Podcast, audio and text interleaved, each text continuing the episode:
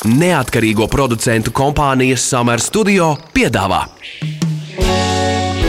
Ķepa uz sirds par viņiem, mūsu pašiem labākajiem draugiem. Raidījumu atbalsta Borisa un Ināras Teterevu fonds. Esiet sveicināti, radio klausītāji! Arī šajā reizē tiekamies kopā ar jums raidījumā ķepa uz sirds. Mani sauc Magnus Eriņš. Sveiciens visiem! Mani sauc Inese Kreitsberga. Mūsu ik pa brīdim pārsteidz stāsti, kur cilvēki glābj dzīvniekus, bet tieši ļoti specifiskus. Jā, ir eksotisko dzīvnieku glābēji, zirgu glābēji, pat esam satikuši papagaļu glābējus. Bet nu, pirmo reizi dzirdam par zivju un citu ūdens iemītnieku glābšanu. Kā tas notiek un ko tas vispār nozīmē, par to šodien runāsim ar mūsu viesi. Mums studijā ir ūdens iemītnieku audzētavas akvarīga dibinātājs Edvards Siliņš. Labdien! Sveiki! Ķepa uz sirds jautā ekspertam. Edvards, varbūt uh, īsumā, kā precīzi uh, sauc un ko nozīmē jūsu audzētavas ideja? Precīzi sauc akvarīga, ūdens uh, dzīvnieku patvērums, jeb audzētava. Un audzētava no patvērsmes atšķiras, ka pirmā nemeklē mājas kā otrā, apmēram tā? Uh, ir tā, ka atšķirība no patvērsmes, mēs kā patvērums vai audzētava nedodam adaptācijai. Tā kā mēs dodam mājas tiem dzīvniekiem uz visiem mūžiem, Tāpēc, ka vairumā visi dzīvnieki, kas atnāk pie mums, ir eh, ļoti specifiskos, kritiskos stāvokļos. Tad sanāk, ka tā ir tāda kā pansija. Jā.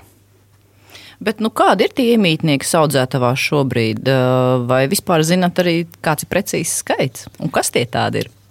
Zivtiņas pagaidām mums ir ļoti daudz, vairumā sami un ūdens bruņurupuču. Skaits bruņurupučiem mums ir desmit, un tas pagaidām ir arī maksimums, ko mēs varam pieņemt. Zivtiņu skaits ir stipri vairāk. Pagājušajā gadā bija simts, bet ir grūti pateikt, tāpēc, kad periodiski mainās viņas, nāk jaunas, un akvāriju skaita ziņā mums ir 39 akvārija, ja nemaldos.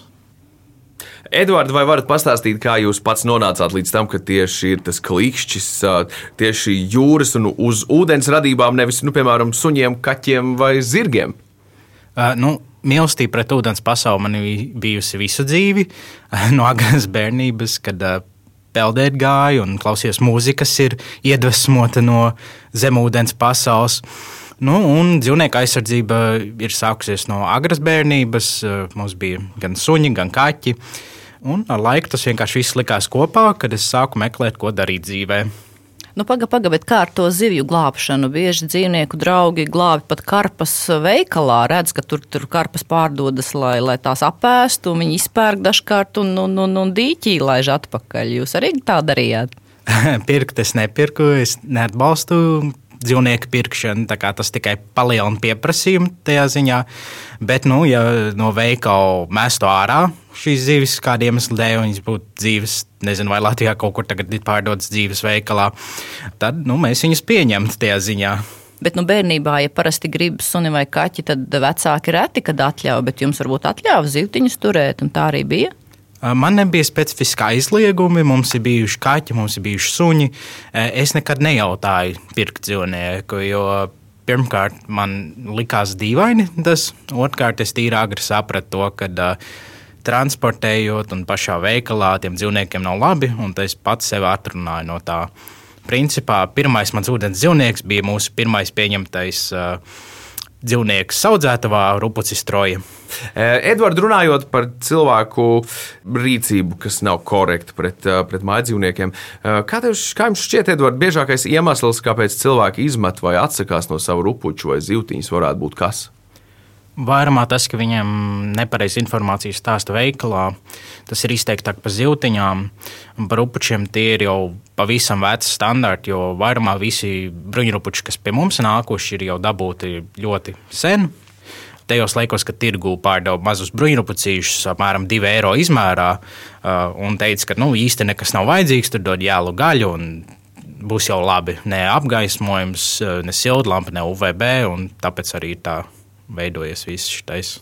Bet nu, kā veikali tā kā sanāk maldina, melo vai, vai, vai liek nopirkt to, ko mums cilvēkam nevajag? Jā, nosacīt tā arī ir. Ir, protams, daudz veikalu, kas, kur pārdevēji tiešām paši nezina, jo viņiem nav informēti, kas vajadzīgs tai ziltiņai vai rupacītim. Bet liela daļa zooveiko arī pārdotos dzīvnieciņus nepiemērotos apstākļos, jo ir izdevīgāk, pieņemsim, kad ziltiņa izdzīvo tikai gadu vai divus, un tad pērk jaunu, un viss. Tad nevajag neko, nekādus filtrus, nekādus sildītājus, nekādu lielu pirkumu, bet vienkārši daudz mazus, biežākus. Vai, Edvards, varat raksturot, uh, kādā stāvoklī šīs radības ir, kad nonāk pie jums? Nu, daudz tiešām ir ļoti kritiskā stāvoklī. Mums ziltiņas ir pienākušas gan caurumiem galvā, no parazītiem, gan ķīmiski apdegumi, tā ka viņas nav. Nu, labākajā gadījumā relatīvi adekvāta zivtiņa ar vieglu saindēšanos, vai arī īslaicīgi, pavisam īslaicīgi bijis ļoti nepiemērotos apstākļos. Un, un, un kas saimnieks uzzināja, kā tiešām vajag vai nu, piemēram, pakonsultējoties ar mums, vai nu kādu paziņu, kas akvārijas kaut ko pazīst, tad viņi steigā mainījuši to situāciju. Bet, nu, jā. Kā var rasties zivī ķīmiski apdegumi vai caurums galvā? Uh, nu, ķīmiski apdegumi no nepietiekamas ūdens maiņas vai neizciklēta akvārija. Izciklēts akvārijas nozīmē principā tas, ka uh, ir akvārijam dots pietiekami liels laiks ar uh, labvēlīgām baktērijām, lai viņš uh, uztaisa apmēram tādu ekoloģisku vidi, uh, kur var apstrādāt arī zivju izdalījumus un ēdienu pārpalikumus. Un, ja tas labvēlīgo baktēriju cikls nav veidojies, tad no zivtiņu izdalījumiem, pārtikas pārpalikumiem veidojas amoniaks, un tā jau ir skābe, kas vienkārši vai nu apdedzina žaunas sākumā, vai nu burtiski aiziet tik tālu, ka zviņas sāk jau dedzināt nost. Šveice, kurai dzīvnieku labturības jautājums izdodas ļoti veiksmīgi risināt, atšķirībā no Latvijas, šobrīd aktīvi strādā pie zivju tiesību ievērošanas. Šveice norāda, ka zivis skaitliski ir populārākie mājas mīluļi, kuri tajā pašā laikā pakļauti vislielākajām ciešanām, jo ir mēmas, nespēja izteikt savas sāpes kā zivis un rupuči izrāda savas sāpes. Jo tikko jūs stāstījāt par to ķīmisko apdegumu, tas nozīmē, ka tā zivs ļoti cieta, bet par to neviens vispār var neuzzināt.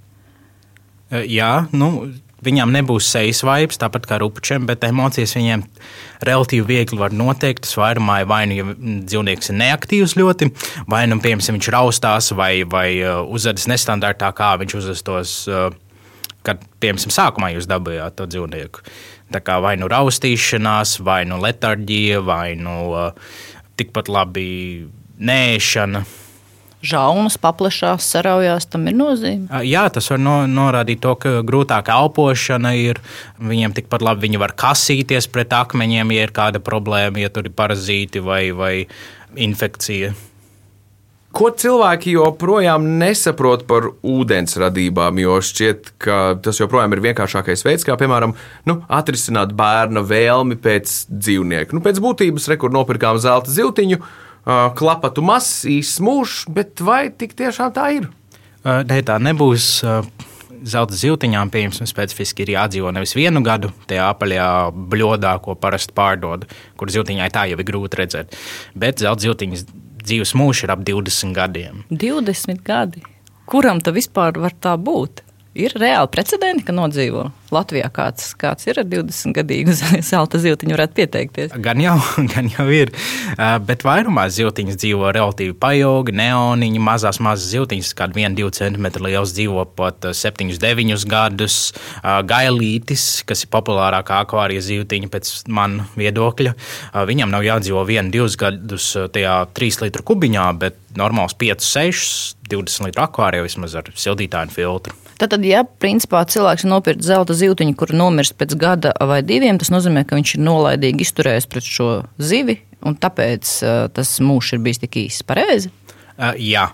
Protams, ja viss aprīkojums ir pareizs, tad 100 litru zelta zīltiņa, laba filtrācija, normāls maiņas, tas arī var nozīmēt, ka zīltiņa ir bijusi pirms tam slima. Bet lielākoties gadījumos būs tas, kad uh, kaut kas nav bijis pareizs aprūpē. Bet, uh, ko Magnus vēl jautāja, tad tomēr ko nesaprot? Viņi ietaupa uz akvāriju, ietaupa vēl uz kādām lietām. Tā ir nezināšana, taupīšana, negribēšana. Jā, iedod uh, top 3 par to, ko cilvēki nesaprot, ko viņi dara nepareizi. Pirmkārt, tas, ka visām ziltiņām, jebkuram ūdens dzīvniekam vajadzēs filtru. Lielākā daļa ūdens ziltiņām, tātad tropiskajām ūdens ziltiņām, vajadzēs sildītāju. Un akvāriju ūdens ir jāmaina reizi nedēļā, viena trešā daļa. un ar kondicionieru speciālu šķidrumu. Tā kā ir jāuzzina mazliet par labvēlīgo baktēriju ciklu un standarta ūdens mājām pirms dabūto dzīvnieciņu. Visur kopā - ķepus sirds. Pastāstiet, Edvards, par aizkustinošajiem stāstiem par, par jūsu iemītniekiem. Mums ir informācija, piemēram, par bruņurupuci Cēzaru, kuram izrādās, ka žoklī ir implants. Uh, jā, pie mums atnāca pirms kāda gada apmēram Rupacītis Cēzars kuram pēdējo desmit gadu laikā ir bijuši četri saimnieki. Un, diemžēl pa to laiku viņam ir vairākas traumas bijušas. Viņam ir iegrimusi atstiņa, tad traumēta un lauzts žoklis. Tā tad vai nu fiziska trauma, kas ir izraisījusi deformāciju, vai arī tikpat labi no nepareiza apgaismojuma, tātad bez UVB apgaismojuma, viņam ir kauli sākuši deformēties. Nu, sākumā mēs gadu viņu rehabilitējām, lai pierastu pie cilvēkiem, jo viņam bija šausmīgi panisks bāzes, eh, kad kāds iegāja telpā. Principā iegāja un sāka panikot, triekties eh, stiklā, triekties uz saliņas. Nu, ļoti, ļoti acīm redzama paniska uzvedība. Un pēc gada viņš jau pierada pie cilvēkiem, pierada ļoti lēnām pie taustes. Nu, kad mēs pieskaramies viņam, ka mēs viņam muguriņu pakasam, pamīļojam, tad mēs arī uzsākām ziedojumu akciju un savācām uh, nepieciešamo naudas summu un ar vairāku vetārstu sadarbību mēs arī viņam veicām žokļu korģēšanas operāciju, kur viņam daļu žokļu nogrieza un ielika akrilu protēzi iekšā, lai viņam augtu normālā pozīcijā. Un tagad mēs arī atkārtosim otro reizi to, un cerams, tas vēl uzlabos situāciju. Jo tagad viņš jau var normāli ēst, jo viņam bija ļoti liels grūtības. Mums, principā, vajadzēja stundu, stundu pusi agrāk nekā pārējos barot. Un vēl viņš mēģināja viņu bīdīt pats atpakaļ, nu, kas īsti nestrādā. Bet nu, skats bija ļoti bēdīgs, kad uh, rupacīts lēnām izstum galvu un mēģina spiest apakšžokli, uh, lai uh, iebīdītu viņu vietā. Cik izmaksāja šāda operācija? Šāda operācija bija ap 300 eiro, bet uh, viss vēl joprojām nav beidzies. Mums būs tagad atkārtot vizīte, un kopsumma varētu būt pat nu, stipri lielāka. Bet kā pie jums nonāca zivs ar to caurumu galvā, kuru minējāt? Nu, saimnieks ievēroja to, ka zivtiņa jau sāk spazmot burtiski, un pārējās zivis uh, uzklupt viņai. Mēs steigā viņu pieņēmām un skatāmies viņai caurumiem galvā. Nu, tas vairumā ir dēļ uh, parazītiem, kuri sāk ēst viņu tā teikt. Dēļ nepiemērotas ūdens kvalitātes, jo samazināta imūnsistēma. Mēs steigā viņu paņēmām, mēs ievietojām uz karantīnu akvārijā, kur bija ļoti liels pulss viņu ārstēt. Es simtprocentīgi ūdens maiņu katru dienu, mēs ļoti smagus medikamentus katru dienu. Mēs veselu gadu viņu ārstējām non-stopā. Un tagad viņi ir priecīgi izārstēti. Viņa ir viena no mūsu aktīvākajām zivtiņām. Tā ka viņa uh, ēd no rokas, uh, viņa, viņa uh, dzīvo viena, bet viņa redz blakus akvāriju, un viņa dzenā samiņus aiz akvārijas stikla. Atgādinām, ka pie mums studijā šodien ir ūdens iemītnieku audzētavas akvarīga dibinātājs Edvards Siliņš, un mēs diskutējam un runājam par to, kā pareizi glābt zivis un citas ūdens radības. Šo radio pārraidi varēsiet dzirdēt arī podkāstu formā, populārākajās straumēšanas vietnēs, kā arī Latvijas radio arhīvā un mobilajā lietotnē. Ja tavs sirds skaidro faktus Runājot par bezatbildīgu izrīkošanos ar šīm radībām, cilvēkiem trūkst informācijas, laika par maz, vēlmes noskaidrot kaut ko jaunu. Edvards, varbūt, varbūt jums ir zināms, kā mainīt šo situāciju. Varbūt to zivju iegādi neveicināt tik pieejamu, kā tā tagad ir. Nu, pieejamību ir grūti teikt, vai varētu izmainīt. Nu, kaut kādas regulācijas vajadzētu, jo Latvijā pakāpienas zivtiņām principā vispār nav regulāciju. Uh, tad, tad ka viņām ir vajadzīga karantīna, ka ir minimuma akvārija izmērs vai kaut kas tāds. Jo, piemēram, ja nemaldos Dānijā vai Zviedrijā, ir uh, tikpat labi zem 10 litriem aizliegti akvārija zivtiņām. Nu, fiziski tu neaizliegsi viņas tirgo, bet tur jābūt zīmē virsū. Šis nav paredzēts zivtiņām. Un, nu, tas uzlabotu situāciju. Nu, jā, bet arī zooveikalos visur tās zivtiņas ir pieejamas. Ja, piemēram, Eiropā zooveikalos netirgo kucēnus un kaķēnus, nu, tik tālu Eiropa ir attīstījusies, tad toties zivis tirgo pilnīgi visur. Tas gan jā. Tā kā, nu, Es neesmu par dzīvnieku pirkšanu, jebkurā gadījumā pats uh, pilnībā, bet uh, mūsu mērķis nav aizliegt pārdot viņas, mums ir uzlabot regulācijas un izglītot par pareizu aprūpi. Jo, ja tas cilvēks ir izlēmis pirkt, nu, atrunāt būs tīri pagrūti. Galvenais, lai ja viņš pērk viņu, tad lai vismaz var pareizi aprūpēt viņu, nevis bezatbildīgi nopirkt un visu vairīt ja par zinās pareizu informāciju, kas tam dzīvniekam vajadzīgs, nu, varbūt viņš pat pārdomās. Nu, varbūt tad iezīmē to, nu, to lielo atbildību, cik tas izmaksās, ka tas ir sarežģīti, ka tas ir dārgi. Un tad tas cilvēks kā, nu, negrib to klapat, jo tas būs dārgi. Un tas jau labi, tad viņš nenopērk. Tur vairāk tā kā tam konsultantam veikalā būtu jāstrādā. Bet tad sanāk, viņš atrunā no pirkšanas. Tas atkal nav biznesa. Tas nav biznesa tieši tā ilgtermiņā es ieteiktu, piemēram, uzņēmumiem apsvērt to, ka uh, tas pirkums sākumā būs liels un tas ir izdevīgi tajā ziņā, jo tad filtri, tad sildītāji un tā. Uh, un tas, ka ir labāk, kad klients zina to, ka tev rūp tas dzīvnieks, ka tu viņu neturēsi sliktā kvalitātē, uh, nu, vidē, uh, un tas, ka tev svarīgi ir klienta labsajūta. Edvards, vai esat dzirdējis par viedajiem akvārijiem, par šāda veida viedajām ierīcēm, kas nodrošina automatizētu šo aprūpes procesu, piemēram, par ūdeni, par, par visām citām detaļām, ko teorētiski cilvēks pats varētu darīt, bet ierīces to izdara viņa vietā? Jā, ir daudz automatizācijas, kas palīdz. Vairumā Amerikā tas ir ļoti populāri, jo viņi primāri ir top akvāriju hobbyisti pasaulē.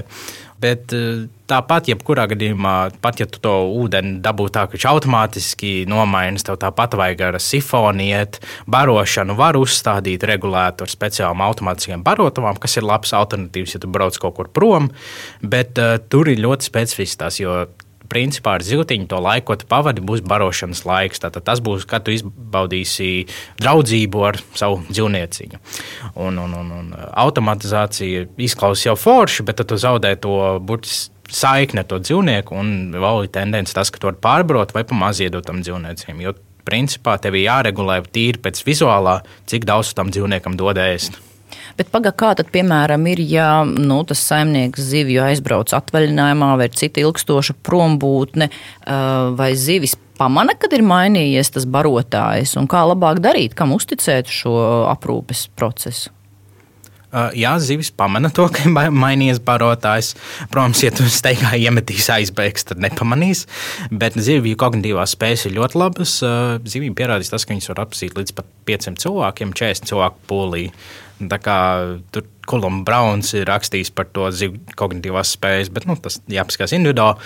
Par braukšanu prom uz atstāšanu, viena, divas dienas lielākoties neko nemainīs. Nu, pēc trijām jau jādabū ir kāda, kas baro vai iet tikpat labi jābūt automātiskā barotava. Reiz ķepā uz sirds televīzijas raidījumā radījām sižetu par uh, lielu zīvi, Robi, kur uh, ēda tikai doktoru desu un uh, protestēja, ja redzēja savu saimnieku šortos. Zivī nepatika, ka saimnieks uh, staigā ar šortiem. Viņš sāk šļakstīties. Nu, un, un drīzāk bija tā, ka viņš bija pieradis pie saimnieka šortos, un tad, kad bija rudens, saimnieks uzvilka garās ah, bikses, tad viņš sāka ārdīties. Jā, jā, jā, jā. Un tad no tā saprat, ka sun, tā zivs ir uh, dusmīga. Redz, gan arī pārteicos, es gribēju pateikt, suns. Uh, vai reāli zivs var palikt dusmīga, un ko viņa atpazina, ko viņa neatpazina? Nu, ko jūs, kā jūs nokomentētu šo epizodu? Jā, protams, ka zivs var palikt dusmīga. Zivīm visas emocijas, tātad bērns prieks, pat līdzjūtība. Es mīnu, ka zivī bija grūtāk atšķirt kurš ir saimnieks, tad viņa gan jau nefokusējās pārējās reizes tīri uz uh, seju. Kas nu, cilvēkiem un primātiem ir izteiktāks, vairāk fokusēties, bet uh, tas, ka viņi domā, ka tas ir cits cilvēks. Uh, Pa doktora desēšanu toties uh, visticamāk tur kaut kāda stipra uh, smaržas pastiprinātāja ietekmē to, jo zivs ļoti paļaujas uz smaržu, uh, lai atrastu ēdienu un kādu ēdienu. Es, es protams, neieteiktu dot doktora desu, tur nav pilnvērtīga diēta, bet drīzāk pajautāt veikalam kādu stiprāku gaļādāju barību, kurai ir izteiktāks aromāts. Tad uh, apgalvojumam, ko cilvēki ir teikuši, ka zivis ir bezpersonisks, jūs tam nepiekrītat, vai ne? Nē, absolūti nē. Jums ir piemēri, kur zivs, piemēram, nāk mīļoties vai kā citādi izrāda savu pieķeršanos? Jā, daudzām zivtiņām pat patīk mīļoties, tā kā fiziski pieskārieni. Protams, zivi nevajag grābt ar roku un spiest viņu un paiet kā suni, bet, ja viņas pierod pie tevis, ja, ja tu vari ielikt roku akvārijā, tīrot viņu, tu vari padzināt viņu, viņu var nākt burtiski mīļoties iekšā rokās. Kā, un, nu, kā piemēram, mums ir mūsu Indijas staigājošie sami, kur ir ļoti lielas zivis. Viņas apmēram tuvu pie 30-40 centimetriem. Un katru reizi, kad barojam, viņas arī nāk spēlēties. Viņām var gan nu, ne tikai dodot ēdienu, viņas nāk, bet var tikpat labi jaukt ūdeni rokā, noknipsēt to viņas nāk, viņas var paiet, viņas var dzenāt ar roku, viņām pašām patīk nibināt roku. Un jā, tā kā zivtiņām var redzēt ka viņas nav kā roboti, bet viņas tiešām ir kā nu, mājdzīvnieciņš. Kā jūs aprakstītu sajūtu, kad pieskaraties zivī ūdenī? Uh, nu, tas ir kā kurai šiem samiem ir uh, viņiem uh, gludāda, viņiem pieskaroties ir kā samta sajūta. Bet ir arī zvīņainās zivis, kurām tikpat labi plekosami, kuriem viņi ir kā as, ja ne kā kaķa mēlā, burtiski pieskaroties viņiem. Tas ir. Nu, uzreiz loģisks jautājums, ko droši vien daudzi arī klausītāji iedomātos pavaicāt, um, vai jūs pats ēdat zivis, ja ne? Ne, es neēdu nevienu dzīvnieku produktu. Es esmu vegāns pēdējo gadu un pusi, un vegetārietis es esmu pēdējos 8, 9 gadus. Nu, vispār loģiski, vai ne? Kā ar popkultūru, uh, filmu žokļi ir topā. Uh, nē, nav. uh, man nepārāk patīk. Nē, nu, es neesmu uz filmām kopumā. Es neteiktu, ka uh, man baigi nepatīk tā reprezentācija, jo aizjūs īsti nav agresīvs. Delfīni pat liekas man agresīvāk. Un tie man, ja kāds ūdens dzīvnieks, es teiktu, nepatīk. Kaut gan nu, man nav dzīvnieks, kas nepatīk. Delfīni būtu tuvākais tam. Tad jūs izvairītos no komunikācijas ar delfīnu. Jā. Ja būtu jāizvēlas lielā baltā haizivs vai delfīns, ar ko pavadīt pēcpusdienu kopā, tad Lielā baltā. Sarunāts. Runājot par audzētāju, kas ir visdārgākais šādas audzētājas uzturēšanā? Ja nu mūsu klausās cilvēki, kas vēlas jūs atbalstīt, te nu īstais brīdis ir jā, ieskicēt to, kā ir. Nu, atšķirībā piemēram, no patvērsim vai uh, zīdītāju audzētavām, uh, mums barība nebūs tas grūtākais, ko nodrošināt. Uh, mums būs uh, elektrība grūtākais, ko nodrošināt. Jo patēriņš ir liels, jo katrā akvārijā ir nu, gandrīz katrā akvārijā ir sildītājs, katrā akvārijā ir filtrs, un bruņurupuču akvārijos vēl ir siltspūdze un UVB spūdze. Tās būs mūsu top izmaksas arī. Protams, ir medikamenti, kas ir nepieciešami, un jāzina arī kādus pērk, jo ne visi medikamenti ir labi, un, protams, labākie būs dārgāki, diemžēl. Tā kā jā, un, nu, protams, tehnika, paši akvāriji. Un, jā. Nu, protams, ka vislabāk jau ir ziedot naudu, bet, nu, lai saprastu, kam vislabāk, vis, vis, vislabāk droši vien ar jums pašu sazināties. Uh, jā, jā. Ar kuru audzētavas iemītnieku jums pašam ir vislabākais kontakts? Nu, noteikti ir kāds mīlulītis. Nu, mīlulītis nav. To es varu uzreiz pateikt, man visi dzīvnieciņi man ir pie sirds. Es esmu atbildīgs par viņu labsajūtu un, un, un paskatoties katram atstiņās, es jūtu tuvu saikni par tiem, kas ir nesen atnākuši kaut kādā ma maziņa, maziņa zīltiņa, vai pavisam liela zīltiņa, vai pat rupacītis.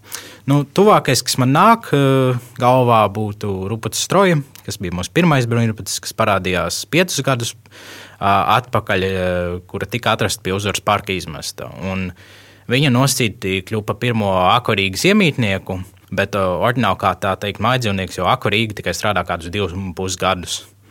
Viņa tā teikt, tuvākā būtu tāpēc, ka sākumā, pirms mēs dabījām akvāriju, cik tur nedēļas laikā, viņa bieži vien pastaigājās pa manu ofisu Viņa nāca sēdēt zem mana krēsla, un tad es viņu paņēmu klēpī un uzliku uz vēdra. Viņa izbaudīja manu siltumu, viņa pat gulēja uz manis, aizmiga uz manis. Un, jā, tas tāds tūs sirdī moments. Kā izskatās aizmidzis bruņurupucis? Viņš ievelkās tajā mm, mājā. Čaulā, mājā, vai viņam aciņas vienkārši cieta? Aciņas cieta, un tieši pretējais viņam galva tad ir ārā. Eh, ja viņam būs augsts, viņš ievilks galvu, vai ja viņš jutīs apdraudēts, viņš ievilks galvu. Bet tā, ja viņš jūtas droši un eh, viņš guļ, viņi guļ eh, galvā ārā un acīm ciet. Godīgi sakot, ja tu nezini, ka viņš guļ, tas izskatās ļoti biedējoši. Ja tu ienāc piemēram dienas vidū un viņš guļ, tad, tad ir ļoti arī sirds tiek domāt, ka ak, Dievs, kas rupacim ir noticis. E, runājot par Edvardu jūsu dzīvi, par piepildījumu, ko jūs rodat ar, ar savu dzīvesveidu, vai varat pastāstīt, kas tas tieši ir tas, tas lielais tas ūdens pasaulē, kas iespējams sniedz to, ko nedod ģimene vai mīļotais cilvēks vai sabiedrība līdzās? Hmm. Tas ir grūts jautājums. Es neteiktu, ka tas kaut kas, ko mana ģimene nevarētu dot, bet uh, uh, nu, man dod sirdsmieru, zinot, ka es palīdzu tiem dzīvniekiem. Man uh, dod tīru, kā nefiltrētu prieku, ūdens pasauli. Uh, atrodoties to ūdens ķermeņiem, uh, es jūtos ļoti mierīgs un, un, un uh, tā teikt, vairāk savā ādā nekā ja es ilgu laiku pavadītu nebū, nebūt uh, tuvu ūdenim. Drīzāk tā, tā kā misijas apziņa. Nevarat to nedarīt. Jā, jā, tā var teikt arī. Kādam ir jāpalīdz tam dzīvniekiem, un es esmu apņēmies to darīt. Es, es jūtu tuvu saikni ar katru mūsu iemītnieku, un, un, un tas, ka es gribu palīdzēt viņiem, es gribu izglābt viņus, tā teikt. Nu, un kā jūs atbalstat ģimene, draugi? Nesaka, ka esat pavisam traks. Nē, nu, ir daži ģimenes locekļi, kas ir izteikušies, ka nu, gribētu jau laikam, lai es eh, kaut ko tādu um, nopietnāku pastudēju, tādu, bet, bet uh, mēs jau divus gadus strādājam, mēs ļoti strauji attīstāmies, tā kā progress ir redzams un tas arī ir redzams, ka šis virzās, šis strādā, tas nav tikai īslaicīga aizraušanās, ka tas ir ļoti nopietni un, un, un, un tad, tas iepriecina mani un padara man dzīvi jēgpilnu. E, noslēgumā, Edvards, es uh, gribētu, lai jūs pafantazējat par nākotni. Kādu jūs iedomājaties uh, audzētāvas nākotni, kāds ir ideālais un vēlamais scenārijs, un varbūt kādu radību gribētu audzēt pie sevis, ja, ja pie tādas nonāktu? Uh, nu, mūsu tālākais mērķis ir ļoti ambiciozs. Uh, mēs tēmējam kļūt par pirmo humāno akvāriju pasaulē. Tātad akvārijas kā ūdens zoodārs. Angliski tas ir, protams, vārds aquarium, bet latviešu īstā lieta nav. Tā kā atšķirībā no citiem ārzemju akvāriem, kur dzīvnieki ņemti vai nu no savvaļas, vai nu pavairot, vai nu tikpat labi nopirkti, mēs fokusētos un fokusējamies uz mājdzīvniekiem, kuriem nav kur doties, un invazīviem sugām, kuras nav vainīgas, ka viņas šeit ir nu, kas, kas padarītu to mūsu mērķi gatavu. Jo principā tā jau var teikt, ka mēs esam, būtu lielākas taupas, finansējums, kas varētu nodrošināt tā, ka pēc manis viss varētu turēties. Un, nu, protams, vairāk veltīt uz izglītību par šo dzīvnieku aprūpu un arī atdalīt uh, aprūpes daļu no tīri vizuālā, skaistā, ist, nu, kad var paskatīties uz tiem dzīvniekiem vienkārši. Pat ja nav baigā interese par viņu aprūpi, tad tīri tā iepazīt skaistumu zemūdens pasaulē. Un kādu radību gribētu audzēt pie sevis? Uh, nu, Jums logo ir astoņkājas. Jā, mūsu logo ir astoņkājas vārdā Aļģis. Astoņkāja, protams, būtu forši satikt, paskatīties vairāk uz viņu, paspēlēties ar viņu, bet uh, lai dzīvnieks nonāktu pie mums, viņam jābūt, diemžēl, ir bijis nepiemērots apstākļos, vai viņam jābūt atdotam. Tā kā es labāk eh, atteiktos eh, pieprasīt kādu dzīvnieku specifiski pie mums. Nu, paldies par sarunu. Šodien mums studijā bija ūdens iemītnieku audzētavas akvarīga dibinātājs Edvards Siliņš. Paldies! Lai veicās. Un, un šī nu, tēma jau bija tāda, kas ir ļoti negaidīti interesanta. Paskat, uzzinājām, kā izskatās aizmidzis bruņurupucis. Tas tiesa atgādināja atmiņas par manu bērnību, kad ļoti vēlējos akvāriju, bet uh, savu sapni vēl pagaidām neesmu piepildījis, iespējams, uh, tuvākajos gados. Tu esi mans draugs, ķepus sirds. Atgādinām, ka ķepa uz sirds TV raidījumam varat sekot līdzi katru sestdienu, pulksten 11.15 un atkārtojumā svētdienā LTV1. Mēs arī gaidām jūsu jautājumus, ierosinājumus, idejas, sižetiem. Rakstiet mums info atķepa uz sirds.lv. Bet šajā raidījumā tas ir arī viss. Mani sauc Inese Kreitsberga. Mani sauc Magnus Eriņš. Raidījumu veido neatkarīgo producentu kompānija Summer Studio. Visu labu! Atā! Ķepa uz sirds! Informatīvi izglītojoši raidījums par dzīvnieku pasauli un cilvēkiem tajā. Raidījumu atbalsta Borisa un Ināras Teterevu fonds.